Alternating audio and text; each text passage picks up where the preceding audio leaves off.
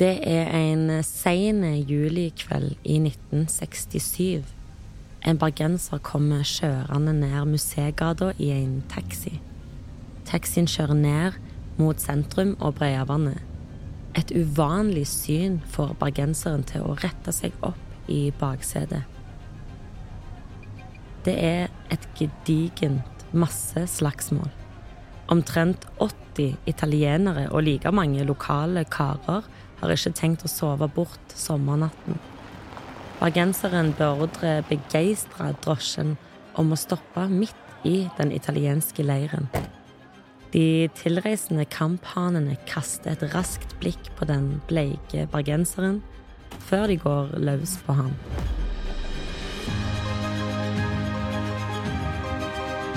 I 2025 feirer vi 900-årsjubileet til Stavanger by, domkirke og bispedømme. I denne podkasten får du historier fra Stavanger i 900 år.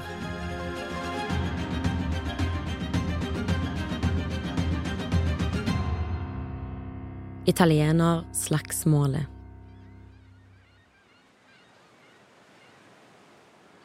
Stavanger har alltid vært prega av havet.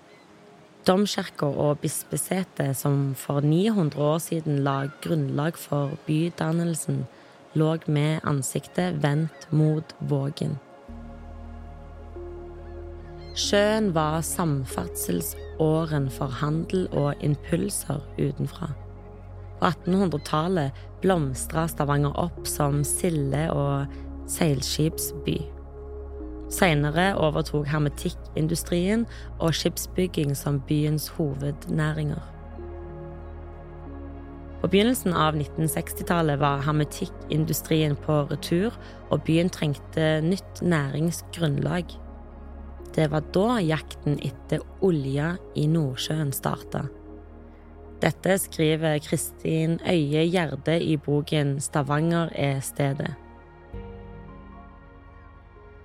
Stavanger ble jo ramma knallhardt når hermetikken forsvant på 20-tallet, og det kom seg egentlig aldri skikkelig på beina igjen før olja kom. sånn at, Og det ga seg først og fremst utslag i at byen hadde sleit med en enorm bolignød.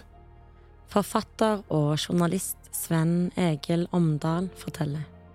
At det var ganske store områder hvor folk bodde elendig.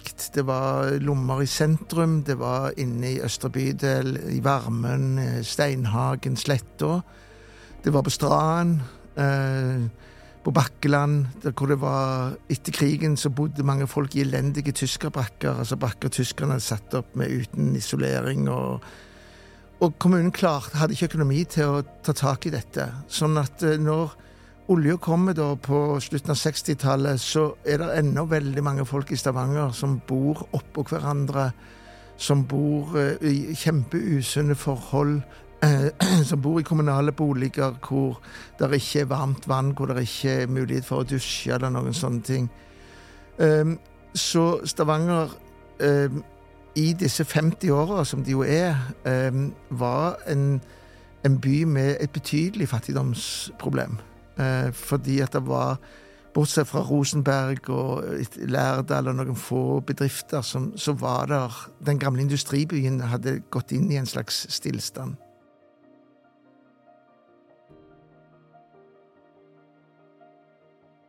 Første konsesjonsrunde ble lyst ut i 1965, og en ny mulighet åpna seg for Stavanger.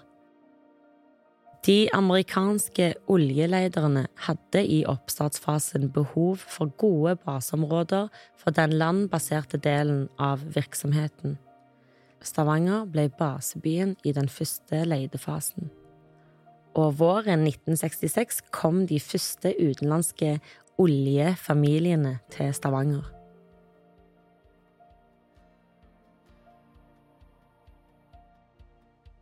Stavanger ble grunnlagt med utgangspunkt i domkirka og har hatt tradisjon for å ha et sterkt religiøst miljø. Byen har blitt kalt Misjonsbyen og er den eneste byen i Norge med en egen misjonshøyskole. Et annet begrep var avholdsbyen, og avholdsbevegelsen hadde lenge sterk rot i byen. I oljealderen har dette forandra seg. Bedehusbevegelsen og misjonsbevegelsen er ikke lenger dominerende. I stedet har bykjernen nå stor tetthet av restauranter og skjenkesteder. Et slående eksempel er Lars Oftedals bedehus Betania, som har blitt omskapt til revyscenen Stavangeren. Et annet bilde på det moderne Stavanger var Hotell Atlantic.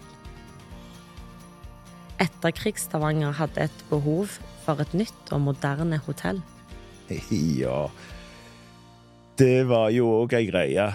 Birger Lindanger, styreleder i Rogaland historielag, forteller. Under krigen så hadde vi to store hotell i Stavanger. Fikk, det var jo uh, Victoria, og så hadde en et som het uh, Grand Hotell.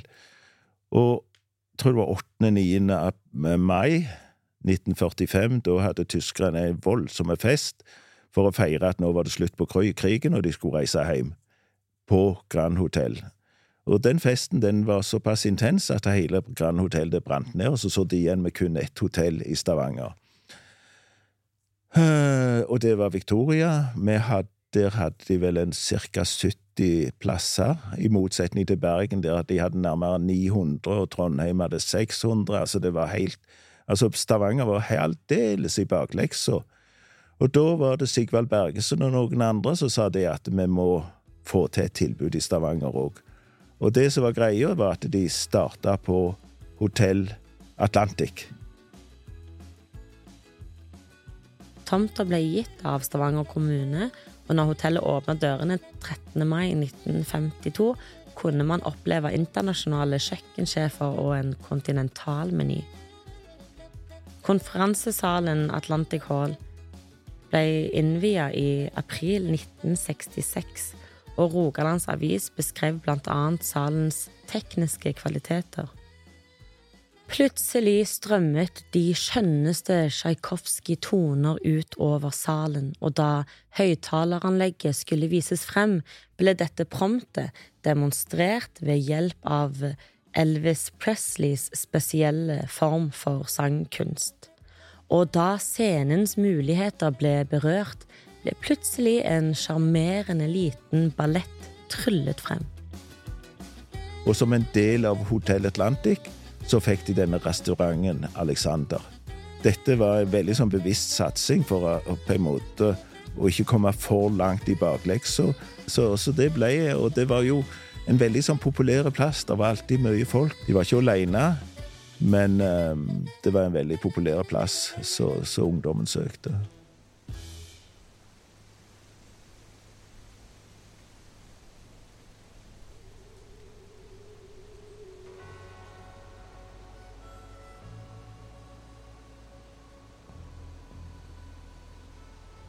Lørdag 22. juli 1967 starter et gedigent masseslagsmål i Stavanger. Omtrent 80 italienere og like mange hjemlige kamphaner braga sammen utenfor Hotell Atlantic.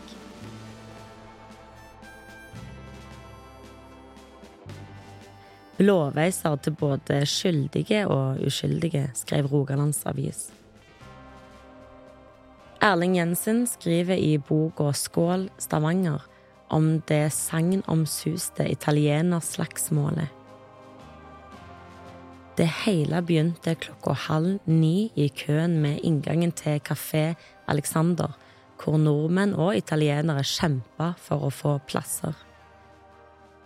Italienerne jobba alle med å bygge oljeraffineriet i Risavika. Politiet rykka ut med alt de hadde, men de klarte ikke å stoppe masseslagsmålet. Politiet tilkalte forsterkninger. 19 personer fra militærpolitiet på Vatneleiren stilte mannsterke opp. Med lange køller forsøkte politiet og militærpolitiet å spre kampdeltakerne, men i første omgang med lite hell. Hovmesteren på Kafé Alexander fikk under kampens hete et par smeller og måtte ned og ta telling Og en Oslo-mann som bodde på hotellet, fikk sitt av de glade givere. Først utpå natten, etter fire og en halv times slåssing, fikk politiet kontroll på kamphanene. Italienerne ble drevet mot jernbanestasjonen og inn i en buss som kjørte de til Risavika. En time seinere måtte politiet rykke ut igjen fordi hotellets gjester klaga på bråk. En gjeng nordmenn hadde et lite etterslagsmål. To italienere endte på sykehuset, én med brukket ankel og én med ødelagt nese. Jeg så, jeg så det ikke, jeg, men det var jo et nesten et regelrett slag, og politiet måtte rykke ut med det de hadde. Eh, på den tida så, så drog de en parallell tilbake til et slag i Hasjo, naturligvis. Så det må ha vært ganske dramatisk. Men heldigvis, det var ingen som ble drept, ingen som ble alvorlig skada. Noen blodnaser ble det jo, men, men det gikk det jo an å leve med. Så egentlig så var det nok på den ene siden så var en veldig redd for at uh, en stavangerfolk hadde, hadde, hadde, vist seg som rasister. Uh, på den andre siden så var det jo et underholdningselement i hele greia da. Til Rogalands Avis 24. juli 1967 sier politi- og restaurantfolk at italienernes oppførsel har vært uklanderlig. Derimot må vi med en viss skam bekjentgjøre at nordmennenes oppførsel har vært langt fra uklanderlig. Italienerne er meget forsiktige i sine uttalelser, men det er et faktum som vanskelig lar seg skjule at de har vært utsatt for sjikane og ydmykelser.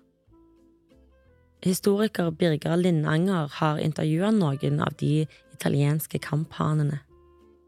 Og det vi da gjorde, var å reise ned for å snakke med dem hva dunderen var dette her for noe. Hvordan oppfatta de, hvordan opplevde de dette slagsmålet? Og, um, grunnen til at de søkte seg til Norge, det var det at de Det var en, en by som ikke, ikke langt sør da, for der de bodde, som heter Rimini. Og der hadde de vært nede og sett av og til, og ryktene gikk at det var skandinaviske damer. Og de skandinaviske damene de var særs flotte syns nå disse italienerne, disse italienske guttene. Så skjedde det at det eh, ble invitert til et bøte fordi de skulle bygge et raffineri oppe nord oppe i Norge. Og da var det en del av disse guttene. Det var da i Emilia Romagna de hadde dette møtet, i denne, denne provinsen. Og de tenkte det at det kunne vært gyse interessant å se hvor disse flotte damene ble alte fram. Og uh, mange av de, sa de, de meldte seg på. Men um, de som var gifte eller var i et forhold, de ble, der ble det lagt ned veto. De fikk ikke reise. Så det var kun single italienske gutter som reiste opp. Var, damene nekta de, for de hadde jo sett de skandinaviske damene og var skeptiske. Sånn ble det framholdt av disse her italienerne som vi snakket med. Og de sa det at de, vi fra Emilia Romagna, vi hadde klassisk dannelse. For når vi kom til Norge, så gikk vi bare etter damer som ikke var i et forhold. Mens de fra Sardinia, sa de, de hadde ikke den dannelsen, og de gikk også etter damer som var i et forhold. Der ligger kimen til eh, konflikt, påsto de da. Det, da, det ble sjau, da. Altså, ikke sant? Altså, der, der var lang kø ut forbi Alexen. Og det er klart, disse italienerne de oppsøkte De var single, og de oppsøkte De ville, var interessert i, i, norske jenter, de fleste og de virka det som, ut ifra det de sa. Og det var jo som regel kø ut forbi Alek. Så, så var det gnisninger, naturligvis. Altså, det, det pleier det alltid være når det er kø, hvis en ikke har køkultur. Da var det en episode at disse italienerne følte seg trakasserte, eller de fra Sardinia, på grunn av at de var på jentejakt. Og eh, da hadde de bestemt seg for at nå skal vi ha et lite oppgjør med disse nordmennene. Og det disse italienerne i Nord-Italia sa, var jo at de væpna seg litt med jeg tror med slagvåpen og jeg vet ikke hva det var for noe. uh, for å kunne bite ifra seg. Men uh, det var jo en del som ble såra. Jeg tror det var to italienere som havna på sykehuset, men ikke med alvorlige skader. Jeg tror det var et ankelbrudd og en nese som knakk og noe sånne greier. Men, eh, men sånn, disse italienerne som jeg snakket med, de oppfatta ikke dette som eh, rasistisk.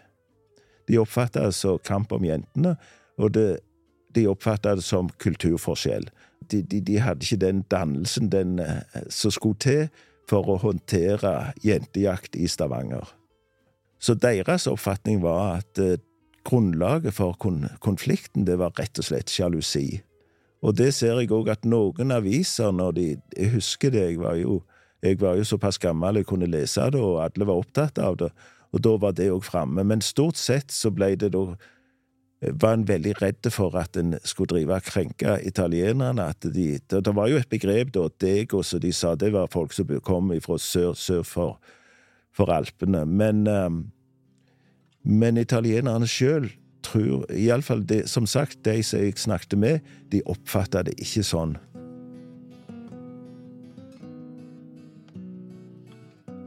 En del av de ble innkvartert i uh, Sola Strand hotell. Og han ene han skrøtte veldig, for han, kom, han fikk eh, rom i første etasje. Det var veldig praktisk, sa han, for da bare åpna han vinduet, og så kunne de komme inn den veien. Eh, ellers så ville jo våre resepsjoner det var litt flaut, og det var litt restriksjoner og rykter og greier og styr, så det, så det var veldig greit. Og de reiste til byen og greier, og, og, og fant damer. Og det som jeg òg kan si, er at det var jo en hel del damer som faktisk ble gifte med disse italienerne. Og de fortalte det at det var Noen av damene ble med ned til Italia. Andre av disse damene de ble værende i Norge, og italienerne med dem. Det var nok, dette var jo helt i starten på, på, på hva skal vi si, eh, oljetida. Det var liksom i forkant av at en fant olje, og det kom jo i 1968 for alvor, da. Og, eh, men, men, det var jo leteaktivitet før. Jeg husker jeg bodde jo på Hundvåg da, når jeg var, jeg var jo bare guttunge. men jeg husker det var i Longøyosen så var det blant annet franske letefartøy som lå oppankra, og det var undring og frukt, blant annet. Det var sånne franske kokk som gikk langs strendene og samla kobbunger og kokte opp, og det, folk rista på hodet og tenkte det, hva slags folk er dette her?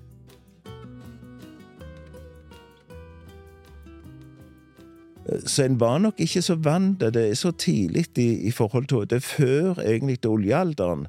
Men det en skal være klar over, var jo at Stavanger var en relativt internasjonal by, og har så å si iallfall siden 1800-tallet vært det.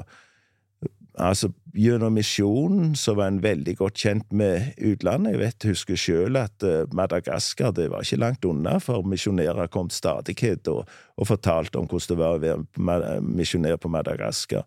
Vi hadde sjøen og sjøfarten, så Stavanger var forholdsvis internasjonalt retta. Og du hadde hermetikkindustrien, der 90% av hermetikken gikk til eksport. Og via det òg så hadde en en del internasjonale kontakter. Så, så Stavanger var, var ikke så vekkgjemt. Altså, det var, lå ved sjøen og hadde tett kontakt over havet. Og på den måten så var en vant med folk som ikke nødvendigvis snakket stavangerdialekt. Det var jo sånn at olja kom jo med ganske mye arbeidsplasser for ufaglærte. Det var ikke bare, ikke bare plattformene, men etter hvert ikke minst arbeidet arbeid i Ottovågen, altså Hinnavågen, med, med Ekofisktanken og med kondippene og sånne ting, hvor det var Det var ikke bare folk fra fattigstrøkene som fikk jobbe der. Det kom jo studenter, og det kom folk med høy utdannelse for å tjene gode penger på raskt. Men akkurat som sjøen på 50-tallet hadde vært uh, Iallfall for, for de unge mennene, så hadde det vært den eneste redningen. Var du 15 år, så kunne du dra til sjøs. Så ble plattformene uh, og olja ble selvfølgelig en mulighet til å få seg en jobb. Så det gikk jo ikke så veldig lang tid, hvis du, sånn historisk sett, fra, fra de første plattformene seilte inn her i, midt på 60-tallet til et stykke ut på 70-tallet hvor byen helt åpenbart er i ferd med å endre karakter. Hvor folk har mye mer penger. Hvor du begynner å se plutselig at det dukker opp serveringssteder, og, og, du får disse synlige bevisene på at det har kommet penger til byen. Så gikk det jo lenge før en fikk renovert mye av den bygningsmassen, men etter hvert så forsvant jo eh, mye av nærmest slumaktige tilstand eh, inne på i Østre bydel, i varmen, og brakkene på Bakkeland ble revet, brakkene forsvant alle veier utover på 60-70-tallet, opp med stadionbrakkene, eksempel. Så, så fikk en jo selvfølgelig en ny type problemer, for en flytta jo mange av disse folka til de nye bydelene og flytta ofte folk tett sammen fort. Og, men kanskje en stor andel folk som hadde sosiale problemer, og psykiske problemer og, og rusproblemer. Så nokså forutsigbart så fikk en etter noen år problemer, enten det var i Kvernavik eller på Kjensvoll eller eh, på Solslett og andre steder. Dette vet jo byutviklerne mye om. at eh, utvikler du, Flytter du masse folk til et sted sånn som det er raskt, så vil du etter noen år få sånne problemer. Men så skjedde jo det at når, når disse modnes, disse byområdene, så ble de òg rolige og veletablerte. Det skjer jo òg hvis en bare fortsetter å utvikle byen. Men da endra jo i løp Hvis du kommer på 90-tallet, så, så, er det jo nesten ikke til å kjenne igjen den byen som var på 50-tallet. Da er, da er det er veldig lite tilbake. Da er det å bo på stranden da er jo blitt en slags kulturell eh, status. Det er folk med økonomisk og kulturell kapital som flytter inn i Strandgata og Blidensolstredet og sånn. Og Sølvberget blir et kultursentrum istedenfor et sånn sted med fyll og spetakkel, som det jo hadde vært eh, veldig lenge, og fattigdom. Og i Østre bydel på Sletta så blir brakkene revet, så kommer det etter hvert veldig moderne mm, boliger for familier og for et helt annet miljø. Men, men, det er ganske viktig å tenke på at det er ikke så veldig lenge siden at Stavanger òg hadde, i norsk sammenheng, slumområder.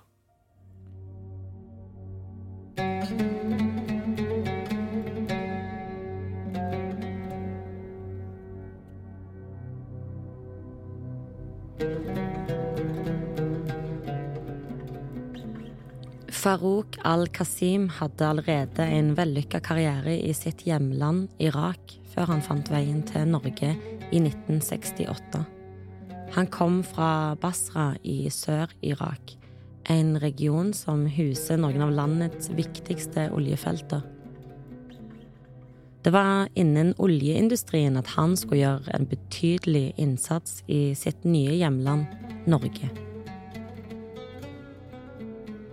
Høsten 1969 begynte de første rapportene om funn av olje i den sørlige delen av Nordsjøen å komme. Det hasta med å etablere retningslinjer og avtaler for håndtering av disse nye oljeressursene. Våren 1972 ble Al-Qasim utpekt som saksbehandler, og han ble bedt om å forfatte et første utkast som skulle presenteres for Stortinget. Selv om han hadde begrensa kjennskap til norsk på det tidspunktet, hadde han bare ei uke på seg å forfatte et forslag til Stortinget. Han fikk hjelp av en kollega som eide ei hytte på Hvasser i Oslofjorden. I løpet av fem intense dager jobba de dag og natt for å få utkastet klart. Selv om utkastet ble justert før det ble behandla i Stortinget, lå det endelige vedtaket tett opp til essensen av det Al-Qasim hadde skrevet. En konsekvens av dette vedtaket var etableringen av både Statoil og Oljedirektoratet, begge med hovedkontor i Stavanger. Al-Qasim flytter for å bosette seg i det som nå var oljehovedstaden.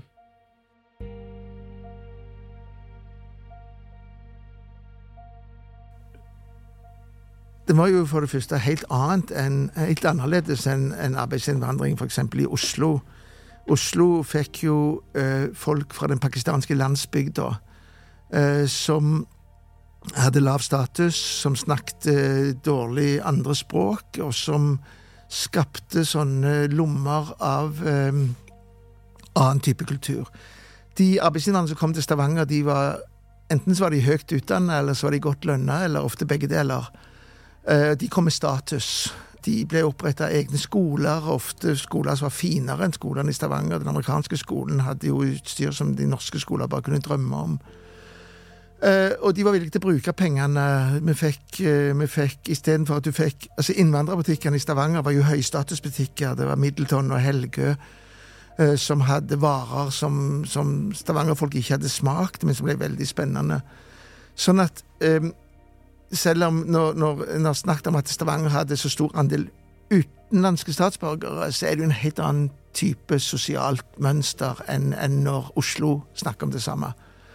Uh, og derfor så er Stavangers historie relativt unik i sånn norsk sammenheng at du fikk du fikk uh, utlendinger som på en måte de innfødte så opp til, og gjerne ville være mest mulig lik. Mens andre steder så var det motsatt, at uh, de arbeidsinnvandrerne ble sett ned på. Birger Lindanger forteller hvordan mange av de som opplevde krigen, var skeptiske til utlendinger. Misjonæren han framstilte da hedningene på sin måte, og vi var skeptiske, og det var en annen kultur, og kanskje også de folk. Men når du fikk de inn på livet, sånn som vi gjorde da, så forsvant rasismen, eller fremmedfrykten, for å kalle det, veldig raskt krigen òg, naturligvis. Altså, ikke sant? Tyskerne. Farmen var veldig skeptisk. Han var kanskje, i, i tillegg til det, så misjonerende ikke sant, og hedningene, at dette var farlige folk, så opplevde han direkte kanskje eh, okkupantene som farlige. Men når de så å si jobba eh, så å si side om side, så fant han ut at nei, det er helt feil.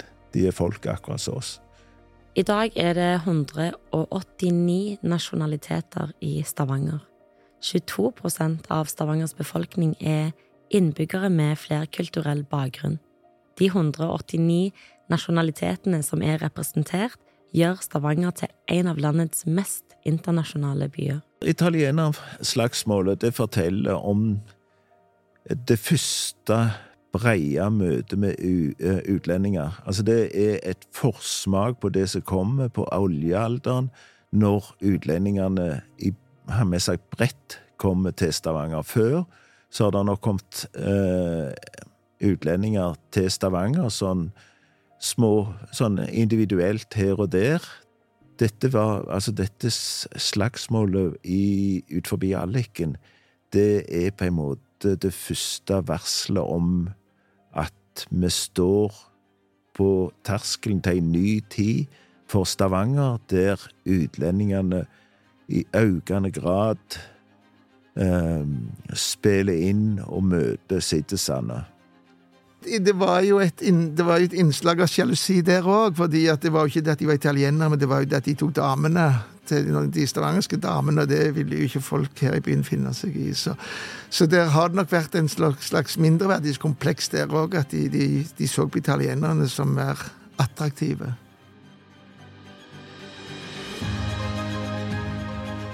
Du har hørt podkasten Stavanger i 900 år. Forteller Isabel. Produsent Christian Gilsvik. Les mer om Stavanger sitt 900-årsjubileum på nettsida stavanger2025.no. Podkasten er produsert av Screen Story for Stavanger 2025.